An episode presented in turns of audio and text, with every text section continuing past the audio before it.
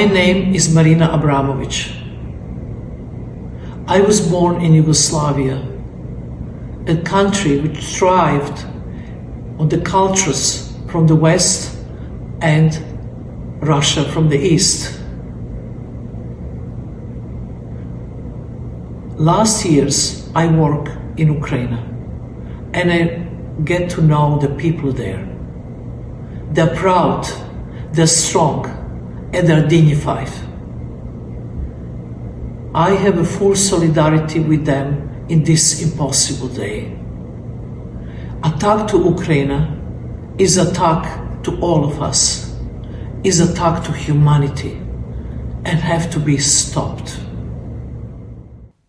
Šādu video paziņojumu dažas stundas pēc kara sākuma ierakstīja performanču mākslinieces Serbiete, Ņujorkā dzīvojošā Marina Abramoviča. Viņa teica: Es esmu dzimusi Dienvidslāvijā, kuras kultūru ietekmējuši gan rietumi, gan Krievija no austrumiem.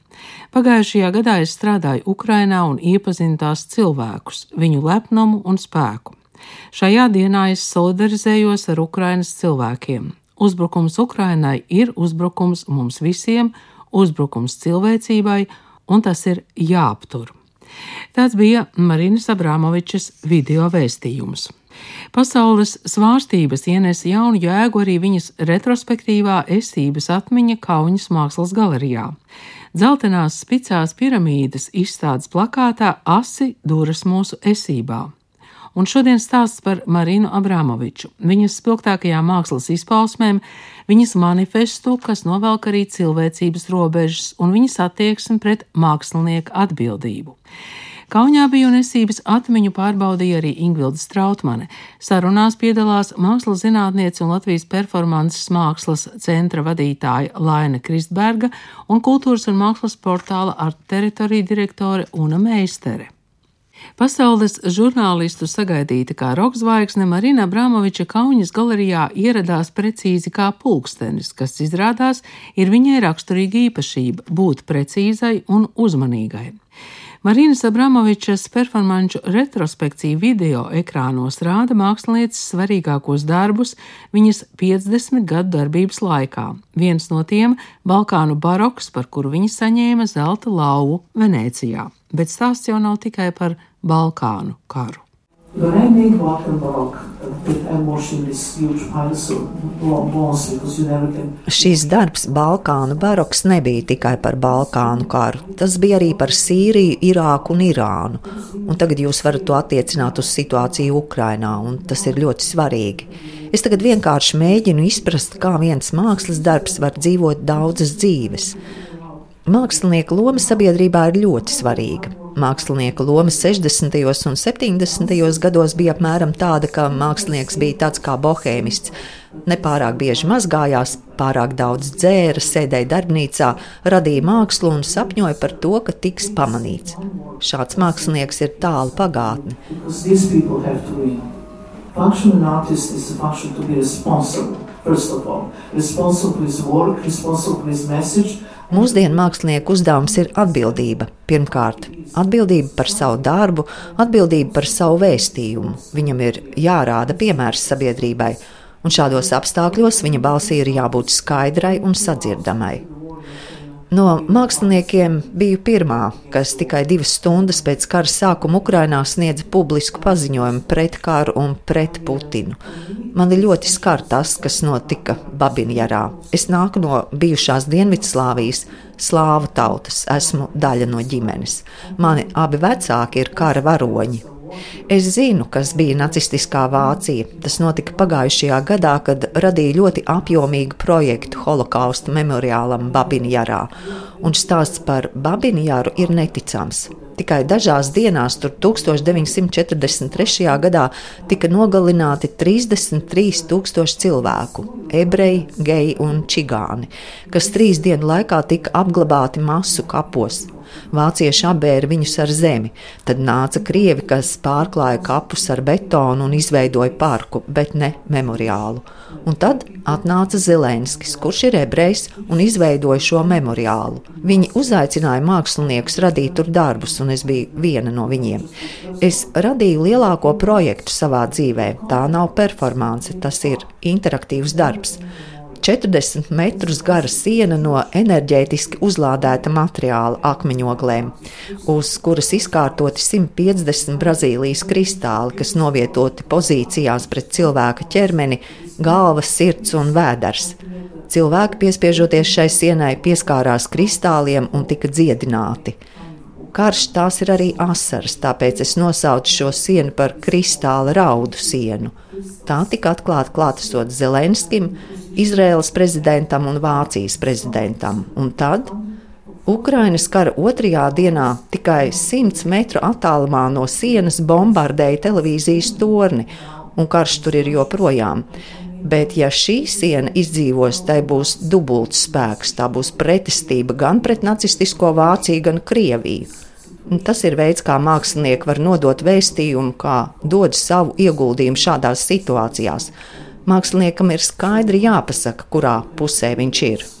Kas viņa ir? Māksliniece Marina Abramoviča. Jautājums Latvijas performances mākslas centra vadītājai Lainai Kristbergai. Marina Brāmoviča jau ir eh, kļuvusi par tādu kā performances mākslas zīmolu, un tiešām viņa arī ļoti mērķiecīgi pie tā ir strādājusi, kā viņa arī pati norāda intervijās.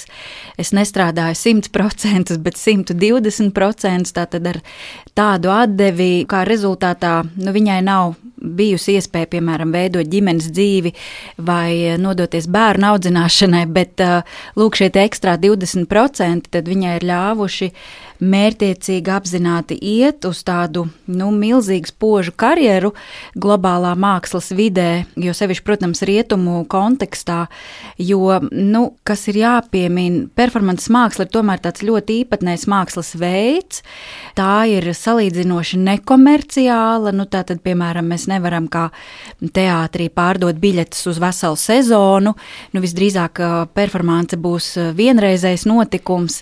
Nu, Marīnas gadījumā gan, protams, protams, viņa ir uzstājusies, performējusi momā trīs mēnešu garumā, bet būtībā, jā, performance ir grūti pārdot, grūti ielikt tādā taustāmā materialitātē. Un līdz ar to nu, tas ir apsveicami, jā, ka strādājot ar tādu izaicinājumu, tik aizstošu mākslu, viņa tomēr, un arī būdama māksliniece no Serbijas, ne no rietumiem, viņa ir izkalusi jā, savu zīmolu un savu vārdu tiešām jā, kā, kā performances vecmāmiņa, kā viņa reti arī dēvē. Vai jūs varētu nosaukt tos varbūt eh, programmatiskākos eh, darbus, eh, kuriem īpaši ir vērts pievērst uzmanību Marinas Abramovičs? Ieroču sakarā. Jā, viņa arī pati intervijās piemin tādus savus nozīmīgākos darbus, nu, kas acīm redzot arī viņai pašai ir izkristalizējušies kā tādi nozīmīgākie. Un eh, viens no tiem noteikti ir jāpiemina um, šis te ritms nulle, 1974. gada darbs, ko viņa performē Neapolē, tādā galerijas vidē, un eh, par kuru arī, eh, ja jums ir interese, var atrast informāciju arī YouTube, varat paskatīties eh, dokumentāciju. Šis darbs ir tāds pirmais, eh, šķiet, kur viņa pārbauda attiecību veidošanas mehānismu ar skatītāju. Un būtībā šis mehānisms viņas karjeras gaitā transformējas, Un no tāda ļoti intensīva attiecību modeļa viņa pāriet varbūt uz tādu jau nu, neredzamāku, kur viņas klātbūtne principā pat vairs nav jaušama. Viņa tikai uzkonstruē to situāciju, kurā skatītāji tad iegūst pieredzi. Bet šajos sākotnējos darbos tomēr um, tā pieredze, sadarbība ar skatītāju, attiecības ar skatītāju ir nu, tādas ļoti intensīvas. Un šajā darbā konkrētā viņa piedāvā galdu ar 76 objektiem, priekšmetiem un arī pat pati sevi kā priekšmetu un sniedz instrukcijas skatītājiem, kā viņi ar šiem objektiem var darīt, ko viņi grib, un tostarp arī ar viņu pašu. Tātad viņi arī sevi kā priekšmetisko un padara par tādu pasīvu objektu skatītāju rokās. Un kas notiek sešu stundu laikā, tā tad attīstās tāda kā sava veida pūļa dinamika, kur viens otru iedrošina un kur varbūt sākotnēji ja notiek tāda tā saspēle ar tādiem neitrālākiem priekšmetiem, kā piemēram glāze ūdens, bet pakāpeniski skatītājs sāk izmantot arī šos priekšmetus, kas ir nu, dzīvībai um, apdraudoši kaut kādā veidā. Nu, piemēram, tur ir nāzes, tur ir uh, žilete, tur ir šķēres, tur ir citi arī asi priekšmeti, kā piemēram rozes ērkšķis, un turpat ir pielādēts uh, revolvers, šaujamierocis. Tā tad tā dinamika attīstās tā, ka nu, kaut kādā brīdī arī Abramovičs vēlāk atzīst, viņai tiešām ir bijušas bailes par to, vai nenotiks tas galīgais risinājums, nu, ka tiešām kāds arī viņu ievainos ar ieroci, piemēram, vai arī nu, tas rezultātos viņas nāvē. Bet pēc šīm sešām stundām, kur viņa bija pilnībā padevīga un, un pasīva, viņa tā kā atver acis ja, un, un, un it kā ieņem šo cilvēka personas veidolu. Un tajā brīdī, kā viņi stāstīja, visi aiziet, aizmūk no šīs galerijas. Un acīm redzot, tās nu, arī bija kaut kādas varbūt kauna sajūtas, kas viņus pārņēma, apzinoties, ka tas tomēr, nu, ka tas, tas, ko viņi darīja, jau bija tāda robežu pārkāpšana. Uh, Un uh, Abrāmiņš arī saka, jā, pēc tam viņa aiziet uz viesnīcu un atklāja, ka viņai ir sirma matu šķīpsna. Tātad tie pārdzīvojumi, ko viņa vispār neizrādīja, būdam pilnībā statiska un pasīva, tad tas tomēr atspoguļojās tādos pārdzīvojumos.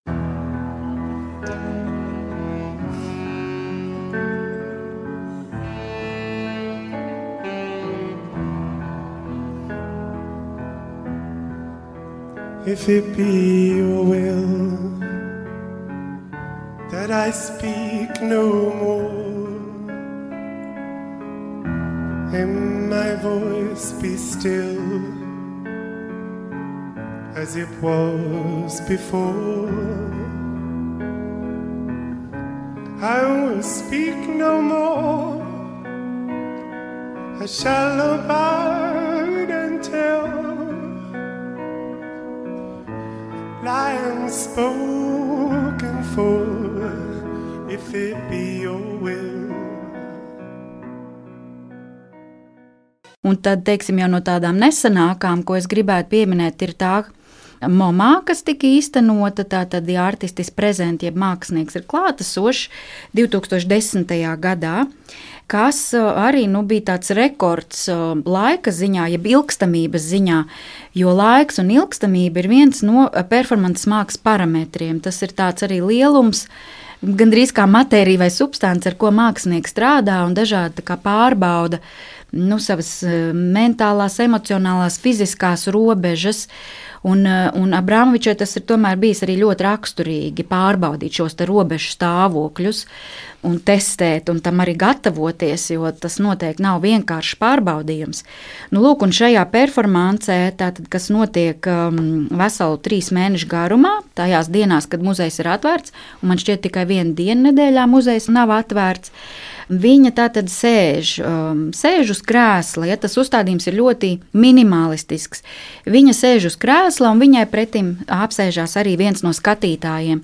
Un tas, kas ar viņiem notiek, ir tāds uh, neverbāls dialogs, ja? tā, tā, tāda tā kā miedarbība vienam uz otru, kas ir uh, nu, reizē ļoti intīma, jo skatīties acīs svešam cilvēkam tomēr ir tā. Nu, salīdzinoši grūti, un, un tā arī ir tāda sava veida intimitātes un privātuma pārkāpšana. Bet reizē arī tā performance un tas uzstādījums bija arī tāds ļoti skatuvisks, tāpēc ka visi pārējie skatītāji, kas gaidīja dažkārt pat 7 un 10 stundas rindā, lai tiktu šajā krēslā, viņi jau arī skatās uz šo te pāri, uz Marino Prāmoviču un to konkrēto skatītāju. Un turpat arī fotografē, tur ir arī žurnālisti un, un gaismas, protams, un tā un, un momas vide. Tā tad sanāk arī tādi lieli pretstati, kas nebūtu, nu tā tad jā, šī pretstatu summa noteikti arī nu, bija milzīgs pārdzīvums, jo paskatoties, teiksim, arī dokumentālo filmu par šo te performanci, var redzēt, ka daudzi cilvēki, nu, ka šīs emociju spektrs ir dažāds, bet lielākā daļa nu, raud. Tā tad ir tāds milzīgs saviņojums, kas arī liecina par to, cik spēcīga var būt šāda iedarbība. Un Marina jau arī pati teica, jā, nu, ka viņa tad, kad pastāstīja mammas producentam, ka lūk, tāda ir viņas ideja, viņš sākotnēji esot bijis ļoti noraidošs. Viņš teica, ka Ņujorkā mēs te, nu, kas sēdēs, neviens negrib sēdēt, visi steidzas, nevienam nav laika. Bet, lūk, tomēr izrādījās, jā, ka tā tiešām viņas spēcīgā klātbūtne, tā tad arī bija atslēga šim darbam. Un bija pat cilvēki, kas septiņas stundas nosēdēja viņai pretī. Nu, tā kā tiešām.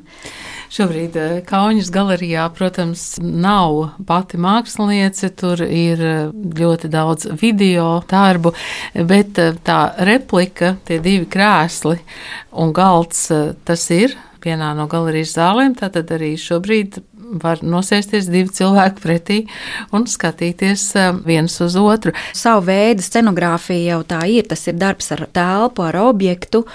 Un tad um, nu, arī būtībā tur parādās arī sociālā dizaina iezīmes, jo uzkonstruējot šo telpu un objektu un paredzot tajā sadarbību ar skatītāju, būtībā tiek konstruēta arī vide procesam. Un šis process, tātad, tas ir sociāls process, tad nu, būtībā tas ir arī sociālā dizaina piemērs. Arī Ulējas, piemēram, viņas um, partneris 12 gadu garumā, ar ko arī viņa, protams, kopā radīja darbus, reiz kādā intervijā nu, pārmeta viņai to, ka nu, viņai ir bijis tāds posms viņas karjerā, kur šie darbi tiešām ir bijuši ļoti grandiozi un tādi nu, jau tā kā šova tipa darbi. Viņam šķiet, uh, nu, ka tas tomēr ir tā attālināti no tās performances būtības. Bet um, nu, droši vien jau ka katram māksliniekam ir kaut kādi posmi karjerā. Marīnas darbos, vismaz sākotnēji, viņas, viņas karjeras sākumā, ir ļoti daudz kailuma. Viņa īstenībā tā kā vispār atsakās jā, no jebkāda tāda, nu, jebkādas tādas liekas greznības. Viņa daudz strādā ar kailumu, un viņas ķermenis ir kails, arī ulēja ķermenis ir kails, arī tad, kad viņiem ir šī ļoti simbiotiskā ciešā partnerība.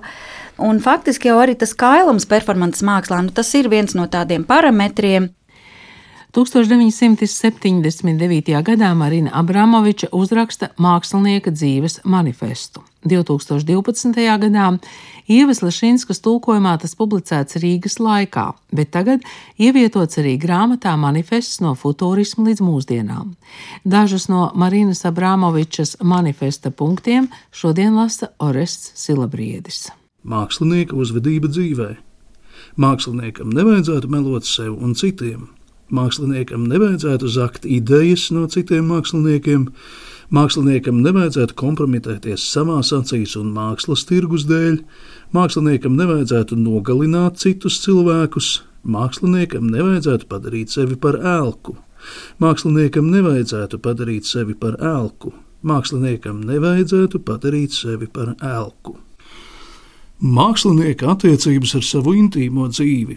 Māksliniekam vajadzētu vairīties, iemīlēties citā māksliniekā. Māksliniekam vajadzētu vairīties, iemīlēties citā māksliniekā. Māksliniekam vajadzētu vairīties, iemīlēties citā māksliniekā. Mākslinieka attiecības ar erotiku. Māksliniekam vajadzētu raudzīties uz pasauli no erotiskā viedokļa. Māksliniekam vajadzētu būt erotiskam. Māksliniekam vajadzētu būt erotiskam. Māksliniekam vajadzētu būt erotiskam. Mākslinieka attiecības ar ciešanām. Māksliniekam vajadzētu ciest. No ciešanām nāk labākie darbi. Ciešanas pārveido. Caur ciešanām mākslinieks pārspēja savu garu. Caur ciešanām mākslinieks pārspēja savu garu. Caur ciešanām mākslinieks pārspēja savu garu. Mākslinieka attiecības ar depresiju. Māksliniekam nevajadzētu būt depresijā. Depresija ir slimība un tā jāārstē. Depresija māksliniekam nav produktīva. Depresija māksliniekam nav produktīva. Depresija māksliniekam nav produktīva. Mākslinieka attiecības ar pašnāvību. Pašnāvība ir noziegums pret dzīvību. Māksliniekam nevajadzētu izdarīt pašnāvību. Māksliniekam nevajadzētu izdarīt pašnāvību. Māksliniekam nevajadzētu izdarīt pašnāvību. Mākslinieka attiecības ar iedvesmu. Meklējot iedvesmu, māksliniekam vajadzētu ielūkoties dziļi sevī, jo dziļāk viņš ielūkojas, jo universālāks kļūst. Mākslinieks ir universs, mākslinieks ir universs, mākslinieks ir universs. Mākslinieka attiecības ar paškontroli. Māksliniekam dzīvē nevajadzētu īstenot paškontroli. Māksliniekam vajadzētu īstenot pilnīgu paškontroli savā darbā. Māksliniekam dzīvē nevajadzētu īstenot paškontroli. Māksliniekam vajadzētu īstenot pilnīgu paškontroli savā darbā. Mākslinieka attiecības ar atklātību. Māksliniekam vajadzētu reizē dot un ņemt. Atklātība nozīmē uzņēmību, atklātība nozīmē dot, atklātība nozīmē ņemt. Atklātība nozīmē uzņēmību, atklātība nozīmē dot, atklātība nozīmē ņemt, atklātība nozīmē uzņēmību, atklātība nozīmē dot, atklātība nozīmē ņemt. Mākslinieka attiecības ar simboliem. Mākslinieks rada pats savus simbolus. Simboli ir mākslinieka valoda. Valoda ir jāpārtulko. Reizēm ir grūti atrast atslēgu. Reizēm ir grūti atrast atslēgu, reizēm ir grūti atrast atslēgu. Vai Marina šo manifestu rakstījusi māksliniekam vai cilvēkam vispār? Lūk, viņas pašas atbilde. Es to sāku rakstīt vairāk kā cilvēka, ne mākslinieka manifestu, izņemot dažas detaļas. Piemēram, nekad neuzsāciet mīlas dēku ar citu mākslinieku. Pilnīgi noteikti, nekad. Es to esmu izdarījusi trīs reizes, un tas bija ļoti slikts lēmums. Arī nekļūstiet ar savu mākslu par mākslas tirgus preci un neatkārtojiet sevi. Taču lielākā daļa manifesta tēžu ir labas jebkuram cilvēkam. Es domāju, ne tikai māksliniekiem. Ikvienam ir svarīgi uzrakstīt savu manifestu, novilkt sava veida robežlīnijas arī no morāles viedokļa, kas jums patiešām ir jādara un kas jums nav jādara šajā dzīvē. Un tad arī sekot šiem lēmumiem. Tas ir patiešām svarīgi. Mākslinieka attiecības ar klusumu. Māksliniekam jāsaprot klusums. Māksliniekam jārada telpa, kur klusumam ienākt darbā. Klusums ir kā sala bangojošā okeānā. Klusums ir kā sala bangojošā okeānā. Klusums ir kā sala bangojošā okeānā. Mākslinieka attiecības ar vienatni. Māksliniekam jāatrod laiks ilgstošiem vienatnes periodiem. Vienatne ir ārkārtīgi svarīga. Prom no mājām, prom no studijas, prom no ģimenes, prom no draugiem. Māksliniekam vajadzētu ilgu laiku pavadīt pie ūdenskrituma. Māksliniekam vajadzētu ilgu laiku pavadīt pie verdoša vulkāna. Māksliniekam vajadzētu ilgu laiku pavadīt vērojot upi. Māksliniekam vajadzētu ilgu laiku pavadīt lūkojoties uz apvārsni, kur okeāns saplūst ar debesīm. Māksliniekam vajadzētu ilgu laiku pavadīt lūkojoties zvaigznēs nakts debesīs. Mākslinieka attiecības ar darbu. Māksliniekam vajadzētu vairīties katru dienu iet uz studiju. Māksliniekam nevajadzētu darba grafiku kā bankas darbiniekam. Māksliniekam vajadzētu iedziļināties dzīvē un darbā tikai tad, kad ideja atnāk pie viņa sapnī vai dienā kā vīzija, kas rodas kā pārsteigums. Māksliniekam nevajadzētu atkārtoties, māksliniekam nevajadzētu radīt pārāk daudz, Māksliniekam vajadzētu vairīties piesārņot pašam savu mākslu. Māksliniekam vajadzētu vairīties piesārņot pašam savu mākslu. Māksliniekam vajadzētu vairīties piesārņot pašam savu mākslu. Kaunijā esības atmiņu skatījās arī kultūras un mākslas portāla ar teritoriju direktore Una Meistere. Viņas intervija ar Marinu Abramoviču, kas tapa pirms Kaunas Zoom platformā un pirms kara. Tā tagad lasāma portālā. Nu, tas vienkārši rezonēja tā, ka es um, neatceros tagad uzreiz nevienu mākslas notikumu, ko es būtu redzējis pēdējos gados, ar ko es varētu tādā, no tādā spēka un enerģijas ziņā šo salīdzināt, jo tas sakustināja pilnīgi visu. Būtībā katru šūnu tavā ķermenī nepārspīlējot. Bet es domāju, ka viņas darbi kopumā ir ir nu, par cilvēku, par cilvēku sūtību kā tādu, jebkurā situācijā, vai tas būtu karš, vai tā būtu ikdiena, vai tā būtu kaut kāda arī nu, absolūti ikdienišķa eksistenciāla nestabilitāte, kas patiesībā visu laiku mūsos ir. Ko uzjundīja pandēmija, un tūlīt pēc tam pilnīgi jaunā plaknē pacēla karš. Un, manuprāt, kad um, vērojot šos viņas darbus retrospektīvi, zināmā mērā viņa ar savu piemēru, kā viņa visu dzīvi ir izaicinājusi tieši savus ķermeņa un prāta robežas, izdarot to, ko viņa ir izdarījusi, panākot to enerģētisko vibrāciju, kas ar katru norizonē tādā veidā, kā viņam tajā brīdī ir vajadzīgs. Viņa tiešām ka viņa ceļ to cilvēka garu, un, un, un nu, katrā ziņā man šī izstāde iedeva fantastisku spēku, ka tu brīžiem, nu, tu varbūt apmaldies tajā nenoteiktībā, bet tad tu saproti, nu, kāds tevī patiesībā ir šis resurs. Un arī viņas manifestā viena no šīm frāzēm bija, ka mākslinieku uzdevums ir radīt klusumu ap savu darbu. Mākslinieka attiecības ar klusumu. Māksliniekam jāsaprot klusums. Māksliniekam jārada telpa, kur klusumam ienākt darbā. Klusums ir kā sala bangojošā okeānā. Klusums ir kā sala bangojošā okeānā. Klusums ir kā sala bangojošā okeānā. Un šajā trokšņa pasaulē, kur mēs dzīvojam, arī kara situācijā, kad mēs sākam rītu un beidzam dienu ar ziņām, un vispārējo, kas notiek ap mums, šo, šo klusumu ievērot, ir ārkārtīgi, ārkārtīgi grūti. Un, teiksim, tajā otrā stāva zālē, kur ir šie nosacīti, nu, kur viņi teiksim, stāv, ja, vai šī nosacīta nevis Balkānu baroks, bet um, nu, teiksim, meditatīvāk tie darbi. Viņa, viņa tevi ieved, nu, ja viņi var nostāvēt, tad būtībā tu arī vari nostāvēt. Un tas tev ir tāds, nu, tāds, tāds, tāds īstenībā tevi. Caur, caur visu to trauksmu, visu daudzslāņainību, kas ir viņas darbos, viņi tev ieved tajā iekšējā klusumā pie sevis. Uh, nu, lai tu varētu spērt savā dzīvē šo nākamo soli, jo tu jau neko. Nu, tu jau nevari, nevari ar savu stresu, ar savu trauksmi, nu, tu esi nesavākts. Un, un tajā situācijā, kad tev ir jārēģē, tu izdarīsi kaut ko pilnīgi muļķīgu. Bet, ja tu spēsi jau sakoncentrēt, tad es domāju, tu vari, vari nonākt pie šī risinājuma un pie risinājuma, kas varbūt ir vērsts uz kopējo labumu. Un tas ir tas, ko, manuprāt, viņai ļoti spēcīgi ievibrē. Tā una meistare, bet Marina Abramoviča turpina atbildēt uz žurnālistu jautājumiem, arī par lietām, kuras ar laiku vajag arvien mazāk, un par performances būtību.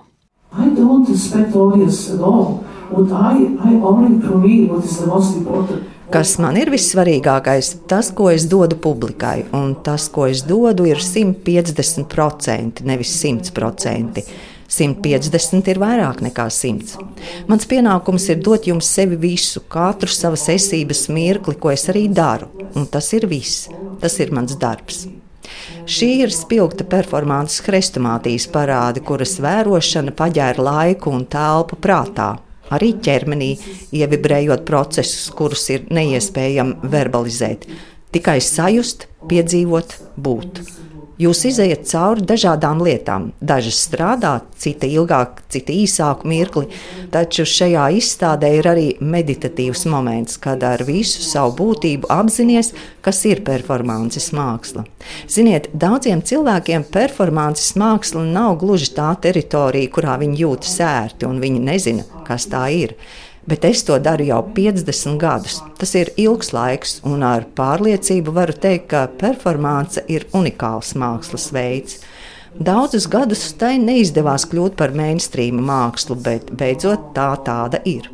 Performance ir laiks, tā sākas, un jums ir jābūt klāt, lai kļūtu par liecinieku. Vai arī, ja jūs neesat klāt, jūs kļūstat par liecinieku caur video, kurā šie mirkļi ir notvērti.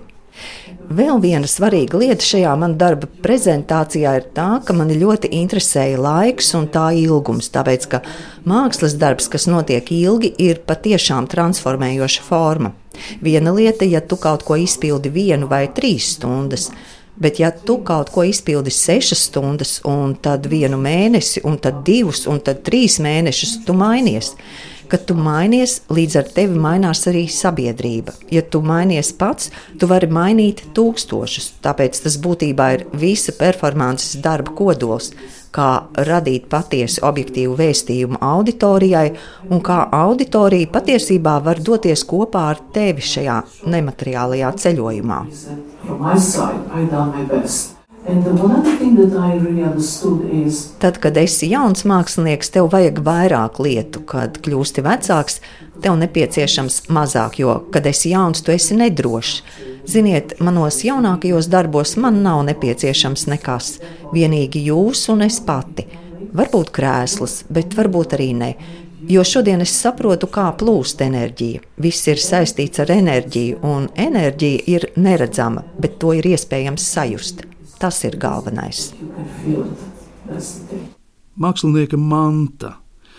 Budistu mūki saka, ka vislabākie dzīvē ir deviņas mantas. Viens stērps vasarai, viens stērps ziemai, viens pāris kurpju, viena bļodiņa pārtikas ziedojumiem, viens pretodu tīkls, viena lūkšanu grāmata, viens lietus sargs, viens paklājiņš gulēšanai, viens pāris brīļu, ja nepieciešams.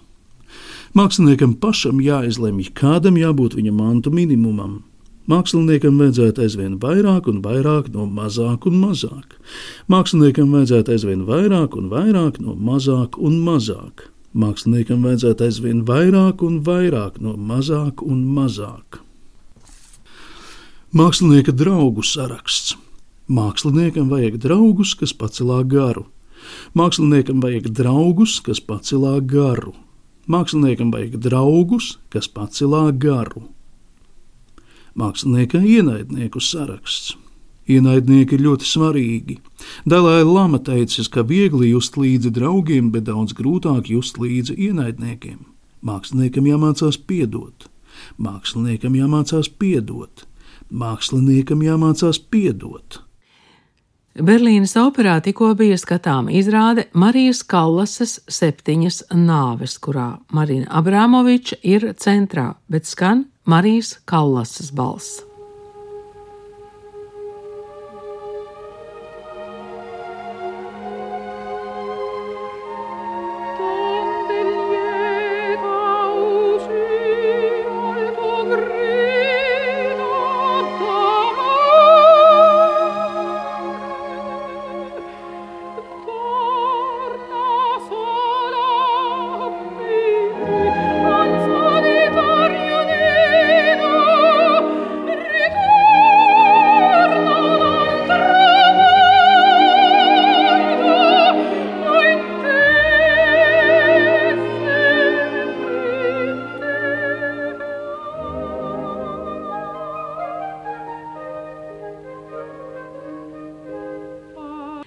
Saprast vai sajust, kas notiek pēc cilvēka fiziskās nāves, tas ir viens no mulsinošākajiem pasaules noslēpumiem.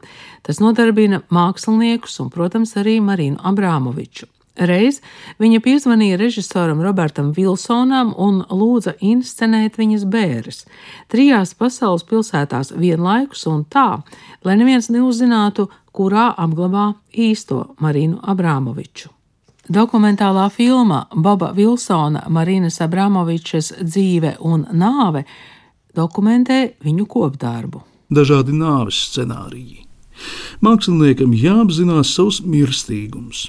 Māksliniekam ir svarīgi nevien tas, kā viņš dzīvo, bet arī kā mirst.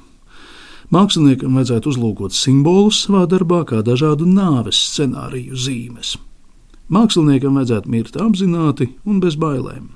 Māksliniekam vajadzētu mirt apzināti un bez bailēm. Māksliniekam vajadzētu mirt apzināti un bez bailēm. Dažādi bērnu scenāriji. Māksliniekam vajadzētu atstāt instrukcijas savām bērniem, lai viss noritētu kā viņš vēlas. Bēres ir mākslinieka pēdējais mākslas darbs pirms aiziešanas. Bēres ir mākslinieka pēdējais mākslas darbs pirms aiziešanas. Bēres ir mākslinieka pēdējais mākslas darbs pirms aiziešanas. Kādi varbūt jūsuprāt ir bijuši tie riskantākie viņas um, projekti? Te es varētu pieminēt vienu darbu, Tomasa Lūpas. Tātad 75. gada darbs pirmo reizi, kad notiek uh, šī performance. Tātad tā ir um, Innsbruka, Austrijā, arī galerijas apstākļos, bet vēlāk viņa šo performanci atkārto Amerikā. Un uh, abos gadījumos uh, nu, tas arī ir reti, ka performance tiek atkārtot, lai gan pastāv arī tāds uh, nu, atkārtotās performances jēdziens. Bet abos šajos gadījumos um, nu, viņa tiešām diezgan um, radikāli izturējās uh, pret savu ķermeni un, un performēja ar tādiem radikāliem izteiksmes līdzekļiem. Jo, nu, piemēram, viņi iegrieza uz savu vēdera komunistu zvaigzni, tādu piecstarainu zvaigzni ar žileti. Un tad viņi tur arī lietoja dažādas tās simboliskās substances. Tur bija medus un vīns, un tad viņi arī sevi šaustīja ar tādām pātagām. Tur tādi arī dažādi, protams, šie kristietības simboli. Un beigās, tad performances beigās viņa guļ uz tāda milzīga ledu izcirsta krusta, nu tā tad uz tāda ledus bluķa, kas izcirst krusta formā. Un eh, tajā brīdī, kad eh, nu, paiet jau stunda un vēl nedaudz, skatītāji tomēr sāk uztraukties par to, ka mākslinieks apdraud savu dzīvību, tas šķiet bija tieši Ņujorkā, šajā Amerikas risinājumā, kad, eh, kad, kad skatītāji tiešām nu, cēlās, sauca ātrā palīdzību, jo, jo, protams, ka performance ar to savu tiešumu mums, kā skatītājiem, apzinoties, ka tā nav tēlota situācija, ka tā ir nu, patiesa un, un, un, un, un autentiska, mums, protams, tiek izraisīta milzīga empātija, līdzjūtība. Mēs gribam palīdzēt, un, un tā arī ir viena no šīm iedarbībām performances mākslā ka lūk, mūsu kā skatītājus aktivizē, jo mēs saprotam, ka tā ir īstenība, ja tā nav iztēlota tēlu sistēma, ja kā piemēram tas būtu teātrī kur tad mēs varbūt balstītos Lūgas autora redzējumā, režisora redzējumā, aktiera interpretācijā. Ja, tur tāda kompleksa šī tēla sistēma, bet mēs saprotam, nu, ka tas ir teātris. Bet šeit, jā, performances mākslā, un to arī Abramovičs tiešām līdz mūža galam uzsver, ka teātris māksla un performances māksla nav viens un tas pats. Jā, viņi diezgan kardināli paliek pie šī uzskata. Nu, jā, mēs nevaram nepiekrist, ka teātrī mēs izmantosim kečupu, ja kā Brāmiņš saka, bet uh, performancē nu, es reāli ar to žiletu griezīšu sev vēderā. Ko mēs vēl no viņas varētu sagaidīt? Es domāju, ka tā otra lieta, ko viņa dara, protams, viens būs, būs šī retrospekcija mm, Karaliskajā akadēmijā Londonā, kas tādā vērienā viņa būs pirmā sieviete, kam būs šāda retrospekcija. Bet otrs, viņa ļoti strādā un jau ilgus gadus, un arī tās, kas ir kā liekas vienkāršs instruments, šīs kārtas Nu, viņa attīsta Brāmovičs metodi. Es domāju, ka tā ir tā daļa no viņas mantojuma, ko viņa ir sintēzējusi, ko viņa vēlas, kas lai paliek un kas lai dzīvo, kam varbūt nav, nu, nav tāds. Um, Teksim, ja mēs skatāmies mākslas vēstures kontekstā, tam varbūt nav tāda vērtība, es domāju, ka cilvēciski tas viņai ir ļoti, ļoti svarīgi. Jo, nu, kā jau viņa, viņa pati teica, ka viņai tāda ego jau viņai vairs nav. Nu, viņa grib atdot visu, ko viņa no sevis atdodu, lai, lai kaut kādā savā veidā, nu, banāli izklausās, padarītu šo pasauli labāku vai arī transformētu kaut dažus cilvēkus. Un, un es domāju, ka tā ir viņas liela prioritāte. Es domāju, viņi noteikti radošā veidā turpinās kādu no saviem projektiem, bet ir ļoti grūti pateikt, kas tas būs. Jo tas arī intervijā bija skaidri pateikts, ka idejas pie viņas atnāk vīzijās. Un uh, viņi viņus neizkalkulē. Viņi nesēž ar datoru vai papīra lapiņu darbnīcā un neizdomā.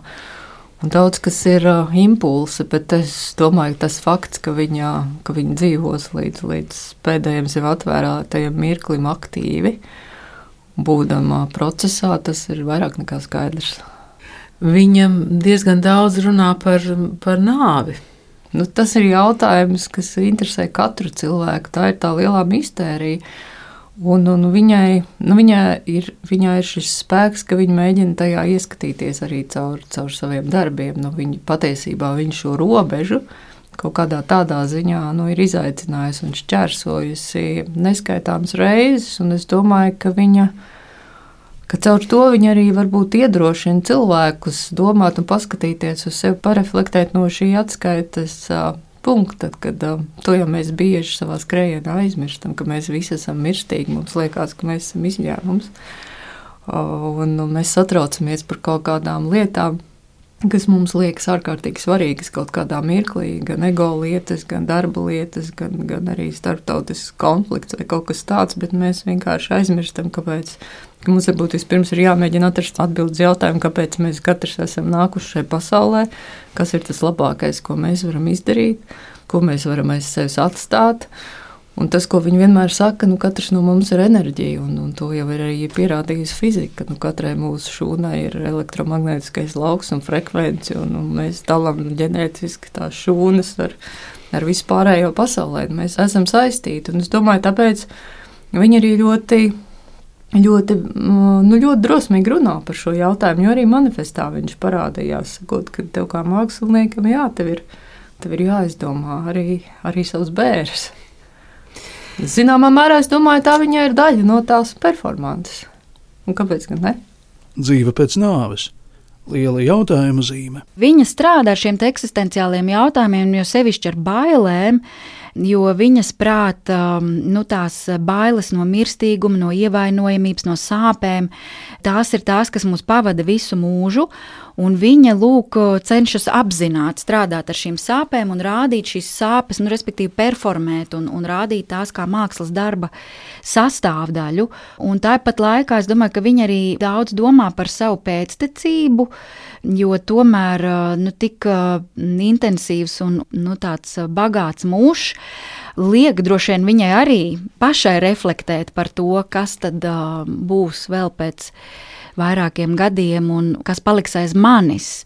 Jo nu, noteikti arhīvs ir milzīgs, bet jā, tā pēctecība man šķiet arī izpauž šajā institūta idejā kur nododot savu metodi tiem studentiem vai, vai māks, citiem māksliniekiem, viņa dalās savā zināšanās, savā pieredzē un arī atdod daļiņu sevis. Londonas Karaliskajā akadēmijā gaidām Marinas Abramovičs izstāde Dzīve pēc nāves, bet jūsu rīcībā jau tagad ir Marinas Abramovičs institūta mājaslapa, intervijas portālā Art Territory, filma Boba Vilsona, Marinas Abramovičas dzīve un nāve platformā Netflix un dokumentālā filma Patiesības ķermenis mākslas kanālā Arte. Un, protams, iespēja tepat netālu Kaunijā, kas šogad ir Eiropas kultūras galvaspilsēta, pārbaudīt savas sajūtas Marinas Abramovičas retrospektīvā Esības atmiņa līdz 31. jūlijam. Marinai Abramovičai ir nosaukums izstādē esības atmiņa, tad būtībā viņa ar visu savu esību arī ir, ir jābauda. Un šajā ziņā, manuprāt, Kaunija ir izdarījusi brīnišķīgu darbu, jo, jo salikt šīs, šīs lietas kopā vienu vietu, šajā laikā, nu, tas ir, jā, tas būtībā tā ir, ka tas ir bijis kaut kur gaisā, un viņi vienkārši ir notvēruši. Ir, viņi ir, ir notvēruši, un es domāju, ka ļoti daudziem cilvēkiem tas varētu kaut kā palīdzēt arī būt šobrīd. Paldies par sadarbību raidījuma tapšanā Unai Meistarei un portālam Art Territory, Latvijas performances mākslas centra vadītājai Lainai Kristbergai un maniem kolēģiem Laimai Slavai, Orestam Silabriedim, Ansim Pavasarim un Valdim Raitumam.